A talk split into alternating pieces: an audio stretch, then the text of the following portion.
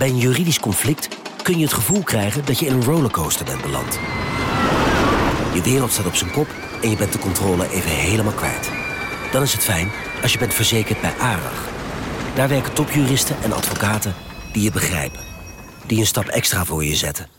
En je het gevoel van controle teruggeven. Met kennis en informatie, met heldere uitleg en met gericht advies. ARAG, juridisch probleemoplossers. Een maatschappij waarin iedereen meedoet. Een gezonde, groene en rechtvaardige wereld. Daar willen jij en heel veel andere mensen best iets aan bijdragen. In het klein en in het groot. Dicht bij huis en ver weg. Zo hebben we vorig jaar 349 miljoen euro bij elkaar gebracht. Miljoenen waarmee onze goede doelenpartners de wereld elke dag een beetje beter kunnen maken. Nationale Postcode Loterij. Samen voor een betere wereld. Vanaf de redactie van NRC het verhaal van vandaag. Mijn naam is Geertje Tunter.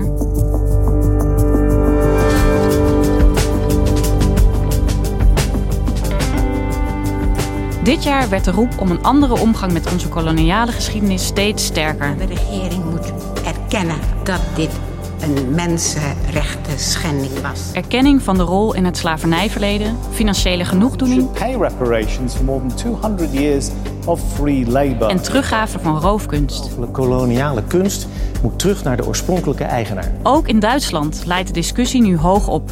Met als middelpunt een kolossale herbouw van een Pruisisch paleis.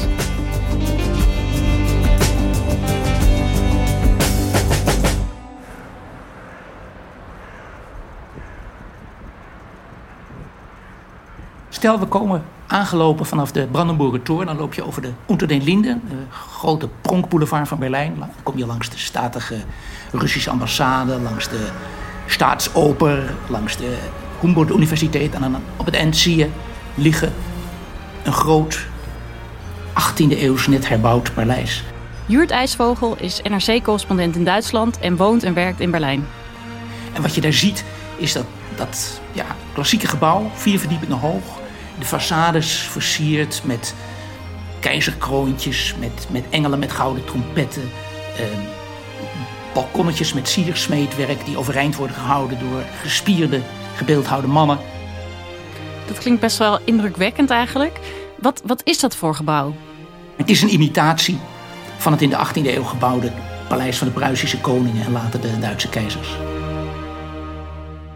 Das Berliner Schloss. Seit 1443 die Residenz der Kurfürsten, Könige und Kaiser aus dem Hause Hohenzollern, beherrschte die Mitte Berlins. Het, ligt in Oost-Berlijn, dus daar was de DDR verantwoordelijk. En die hebben besloten dat eh paleis, ze verfoeiden natuurlijk ook de erfenis van de keizer, eh, af te breken. En later is er, heeft de DDR daar een Palais de Republiek, een eigen soort paleis neergezet, wat dan voor het volk bedoeld was, een modern gebouw met veel eh, staal en glas. En dat gebouw, dat is na de val van de muur weer door het herenigde Duitsland afgebroken. En toen lag het een hele tijd braak. En toen ontstond het idee om dit oude paleis weer op te bouwen. En dit is een soort neo-Pruisisch paleis. Wat gaat daar gebeuren? Das viele Jahrzehnte zurückgeträumte Schloss wird wieder die Mitte Berlins in seiner ganzen Schönheit beherrschen. Mit seiner neuen, in die weite Zukunft ausgerichteten und zu unserer heutigen Zeit passenden Nutzung als Kulturzentrum, dem Humboldt-Forum. Ja, het is nu het Humboldt Forum. En het is eigenlijk bedoeld als een trefpunt van culturen. Wat er gaat gebeuren is, er wordt een, aantal musea gaan daar hun eh, tentoonstellingen organiseren en plaatsen. Daar komt in het eh, Ethnologisch Museum, het Museum voor Aziatische Kunst. Eh, er komt een afdeling van het Berlijnse Stadsmuseum. En de universiteit, de Humboldt Universiteit, gaat daar ook tentoonstellingen maken.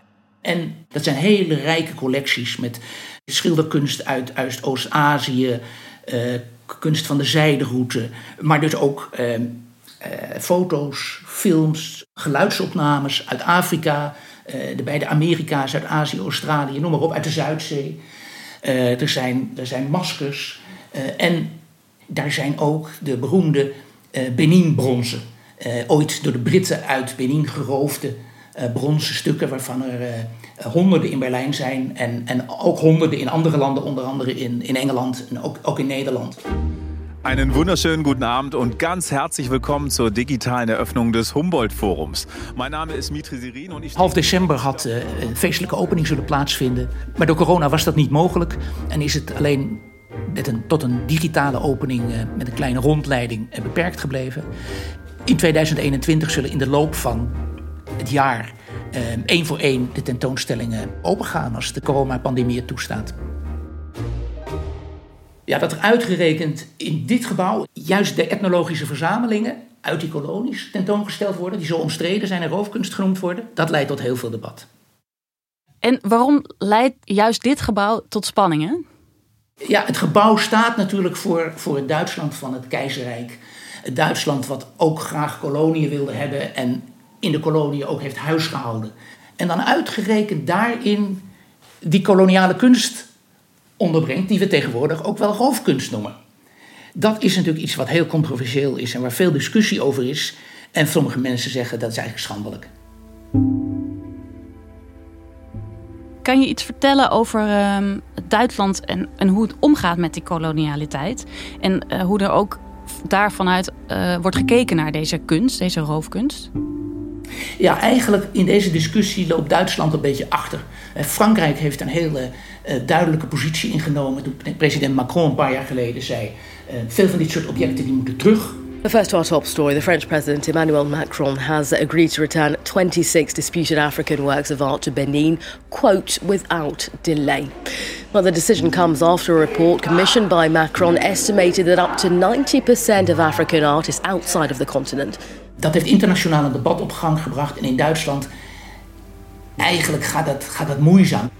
Ja, Duitsland is eigenlijk pas heel laat een koloniale macht geworden. Later in de 19e eeuw uh, wilden ze er ook bij horen, hebben ze meegedaan. Maar hebben ze wel grote koloniën uh, zich toegeëigend. En onder andere in, in, in Zuidwest-Afrika, uh, het huidige Namibië. En niet alleen hebben ze daar een, een koloniale macht gevestigd, maar daar hebben ze ook de, ja, eigenlijk de eerste genocide van de 20e eeuw uitgevoerd. Tussen 1904 en 1908 hebben ze daar eh, vele tienduizenden eh, Afrikanen afgeslacht van het, van het Herero en het Nama-volk. En echt met de bedoeling om dat volk uit te roeien. En Duitsland heeft natuurlijk een heel eh, sterke reputatie, denk ik, en terecht met de manier waarop ze, ja, wat ze in de Tweede Wereldoorlog hebben gedaan, daar zich rekenschap van hebben gegeven, daarover spijt hebben betuigd, dat herdenken. Maar een wat verder verleden uit de koloniale tijd, daar heb je niet zo'n uh, zelfkritische opstelling ten opzichte van het eigen verleden. En ja, de, de opening van het Humboldt Forum zet deze discussie in Duitsland eigenlijk op scherp. Wat voor kritiek hoor je dan nu bijvoorbeeld? Er is een, een belangrijke Duitse uh, deskundige op het gebied van de koloniale tijd, uh, Jürgen Zimmerer, hoogleraar, uh, historicus. en hij ergert zich er verschrikkelijk aan dat er in Duitsland wat hij noemt een koloniale amnesie is. Dat eigenlijk de bevolking nauwelijks nog weet wat er in die kolonialiteit gebeurde. En, en, en had aber völlig vergessen wie brutal en wie systematisch rassistisch dieses eigentlich war. En dat dit gebouw eigenlijk de mensen in die onwetendheid bevestigt. Want ze zien eigenlijk een prachtig, ja, wat hij noemt een, een Preußisches Stadtschloss in een fakes Disney, een Preußisches Disneyland. Ja, wat hij noemt een Pruisisch Disneyland, maar een prachtig oud Pruisisch paleis wat weer opnieuw gebouwd is. En ja, dat daar binnen objecten zijn die met, met roof en geweld verkregen zijn. Uh, nou ja, dat, dat zie je in ieder geval niet in de eerste, in de eerste blik. Ja, een, een Pruisisch Disneyland, een mooie omschrijving. Uh, hoe kan het dan dat dit gebouw toch voor deze functie gekozen is? Nou, het is zo dat ze hebben eerst is er een actie op gang gekomen, eigenlijk van, van particulier initiatief, om dat paleis te herbouwen. Uh, er is geld ingezameld en politieke druk opgebouwd. En uiteindelijk is besloten om dat inderdaad te doen. En toen is men ook gaan denken: ja, wat, wat gaan we eigenlijk doen in dat paleis als we dat hebben gebouwd? Het is een reusachtig gebouw, wat moeten we erin doen? En toen kwam iemand op het idee: we hebben deze ontzettend grote, uitgebreide, mooie collecties van etnologische kunst en Aziatische kunst. Helemaal in het zuiden van de stad, in Dalem. Daar komen eigenlijk veel te weinig mensen, omdat het toch ver van het centrum is. Waarom halen we die niet naar dat paleis. En dat leek eigenlijk een fantastische uh, gedachte. Want nou ja, dan, dan maak je dat veel toegankelijker voor, voor het publiek, voor de toeristen die in het centrum van Berlijn zijn. En in die tijd speelde natuurlijk nog niet zo erg, zo sterk als nu het internationale debat over de teruggave van die koloniale objecten. En dat is twintig jaar geleden. Want ja, nu leidt het tot uh, best wel felle kritiek. Hè? En wat doet dat Humboldt Forum daarmee? En de musea, uh, wat zeggen zij daarover? Nou, zij willen heel duidelijk laten zien dat ze die kritiek horen, dat ze er niet doof voor zijn. En dat dat. Ze zeggen, we zijn ook geen museum, we zijn een forum. We willen daarover discussiëren. Natuurlijk moet het ter discussie staan. Dus wij zullen geen objecten tentoonstellen die omstreden zijn, zonder die discussie daarbij te betrekken. En dat willen ze gaan doen door debatten te organiseren, maar ook door informatiepanelen aan te brengen over, de, over het feit dat het omstreden is dat die spullen nu in westerse musea zijn. Und ich glaube, es ist eine gute ähm, Aufgabe jetzt für uns, äh, auch zu zeigen, es ist drin etwas ganz, ganz anderes. Wir vergessen die Geschichte nicht. Wir setzen uns sehr intensiv mit ihr auseinander. De overkoepelende directeur van het museum, Hartmut Dorgerlo, uh, ja, die zegt: Weet je, we proberen hier iets nieuws te doen. Maar wij willen de geschiedenis niet vergeten. En dat gesprek daarover, ja, dat is, dat is onze taak. Maar ondertussen zitten ze wel gewoon in dat gebouw. Balen ze daar niet een beetje van? Ja, ik, ik sprak met Paul Spiest, directeur van het Berlijnse Stadsmuseum, een Nederlander die in Amsterdam het Amsterdam Museum heeft geleid. En die hier een tentoonstelling heeft ingericht over de verhouding tussen Berlijn en de wereld. En daarin komt ook uitgebreid kritiek op het kolonialisme en op de uitbuiting, het racisme van die tijd uh, aan de orde. En hij zei, ja, hij had duidelijk ook moeite met, met de spanning tussen dat gebouw en wat er binnen gebeurt. Met, met die Pruisische buitenkant en de binnenkant waar, waar een discussie gevoerd moet worden. Als, als reconstructie van het Duitse Rijk, zou ik maar zeggen, het keizerrijk.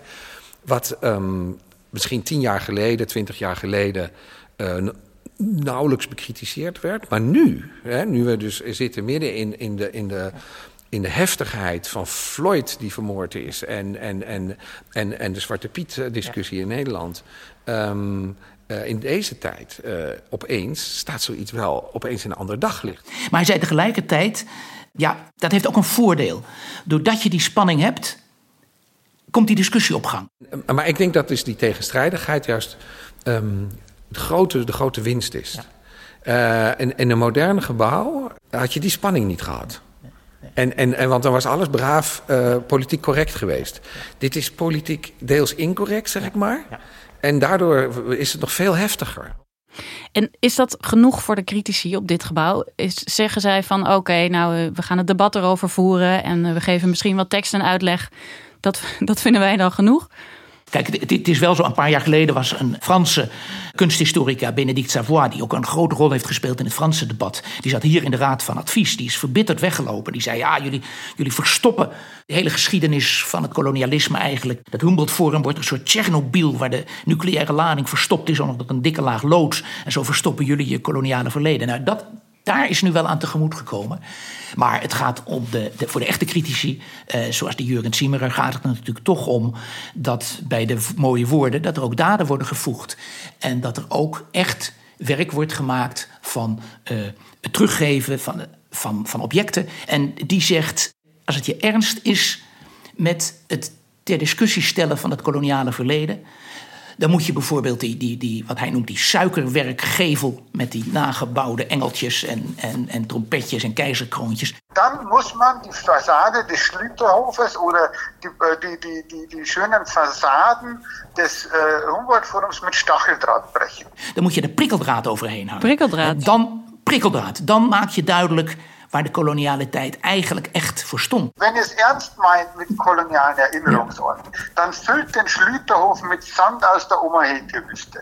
Ja, de. Omaheke-Wüste, wo die Herero omkwamen. Op de bodem van de grote binnenplaats van het paleis, dat is een hele mooie grote binnenplaats van het paleis, daar moet je zand leggen uit de woestijn waar de Duitsers tienduizenden Afrikanen van het, van het eh, Herero-volk en het Nama-volk hebben afgeslacht. Dan ben je pas eerlijk bezig met jezelf te confronteren en je publiek te confronteren met wat het koloniale verleden van Duitsland eigenlijk was. Ja, want inderdaad, eh, zoals jij eerder ook al aanhaalde, die discussie over dit soort roofkunst, die is natuurlijk in heel Europa wordt die gevoerd. En in Nederland hebben wij net een adviescommissie gehad en die heeft geconcludeerd dat die kunst desgewenst ook teruggegeven moet worden. Is dat inderdaad niet eigenlijk het debat waar we het over moeten hebben? Gaat het daar niet gewoon om en niet om dat gebouw? Ja, maar het gebouw heeft in het Duitsland in ieder geval die discussie een enorme impuls gegeven.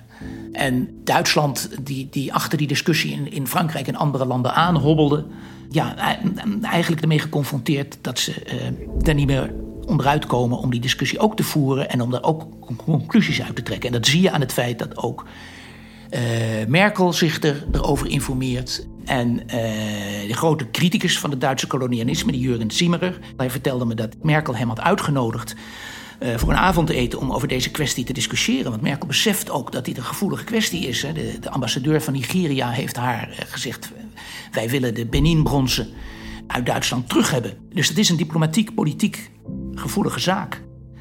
En hij waarschuwde Merkel, hij zei tegen Merkel: als je niks doet, dan zullen, en je gaat die, die Benin-bronzen opstellen in het Humboldt Forum, dan zullen alle schijnwerpers gericht gaan worden op de roofkunst en het kolonialisme. En dat zal alles verdere van de opening van het Humboldt Forum overschaduwen. En dat zal een pijnlijk geval voor Duitsland worden. Toen vroeg ik van, en wat, wat, wat zei Merkel daarop terug? Ja, natuurlijk, dat wil je dan wel weten. En hij zei, ik heb haar gevraagd, van, u moet een gebaar stellen om de omgang met het koloniale verleden. En zij gaf daar eigenlijk geen antwoord op. En hij zegt, nou ja, als je er geen antwoord op geeft, dat is eigenlijk ook een soort antwoord. En heeft hij dan het idee dat zij haar, haar vingers daar niet aan wil branden? Ja, dat, als het niet echt nodig is, gaat zij daar geen, uh, geen politiek kapitaal aan besteden en inderdaad haar vingers niet aan branden. Also haben wir nochmal explizit nachgefragt, wie viele der 20.000 Objekte, Komma, die im Humboldt-Forum im alten neuen Berliner Schloss ausgestellt werden, Komma, stammen denn jetzt aus Unrechtszusammenhängen, Fragezeichen. Was ist geklaut, was ist Hehlerware?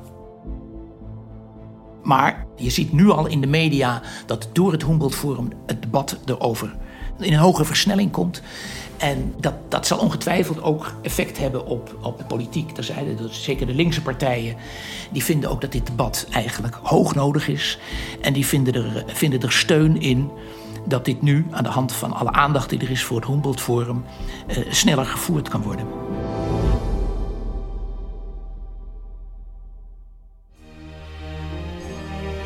Jurt, hoe kijk jij daar tegenaan? Als ik uh, hopelijk ergens volgend jaar weer eens naar Berlijn kan, moet ik er dan naartoe? Moet ik dat museum gaan bezoeken? Ik zou het zeker doen. Kijk, Duitsland en Berlijn. Berlijn staat vol met ongemakkelijke monumenten en gebouwen die te maken hebben met zijn eigen geschiedenis. Daar, daar, daar schrikt Duitsland ook niet voor terug. Je hebt ook het, het Holocaustmonument natuurlijk. En, en daar komen natuurlijk ook iedere dag duizenden mensen kijken. En dat is ook een confrontatie die natuurlijk voor Duitsland altijd ongemakkelijk en pijnlijk is. En, en daarom staat het er. En zo hebben ze dus hier ook met dit gebouw, ook al was het niet aanvankelijk de bedoeling, iets neergezet wat op het eerste gezicht mooi was en restauratie van het verleden. Maar wat ja, inmiddels duidelijk is dat het veel meer is. Namelijk, het is ook een confrontatie met een pijnlijk verleden en, en, en een plaats van, ja, als het goed is, heftig eh, debat met, uh, met veel deelnemers in, uh, onder publiek en politiek. Dus ik ben, ik ben zeker van plan, als het helemaal open is, om er eens goed te gaan bekijken. Ik heb één tentoonstelling al gezien. Want ik, ja, ik vind zowel de discussie heel erg nodig als de objecten uh, heel interessant. Nou, dan ga ik dat doen. Bis dan. Dankjewel, Jurt. Graag gedaan.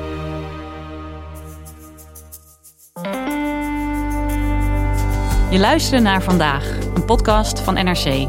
Eén verhaal, elke dag. Deze aflevering werd gemaakt door Ido Havinga en Jeppe van Kesteren. Chef van de audioredactie is Anne Moraal. De muziek die je hoort is van Rufus van Baardwijk. Dit was vandaag, morgen weer.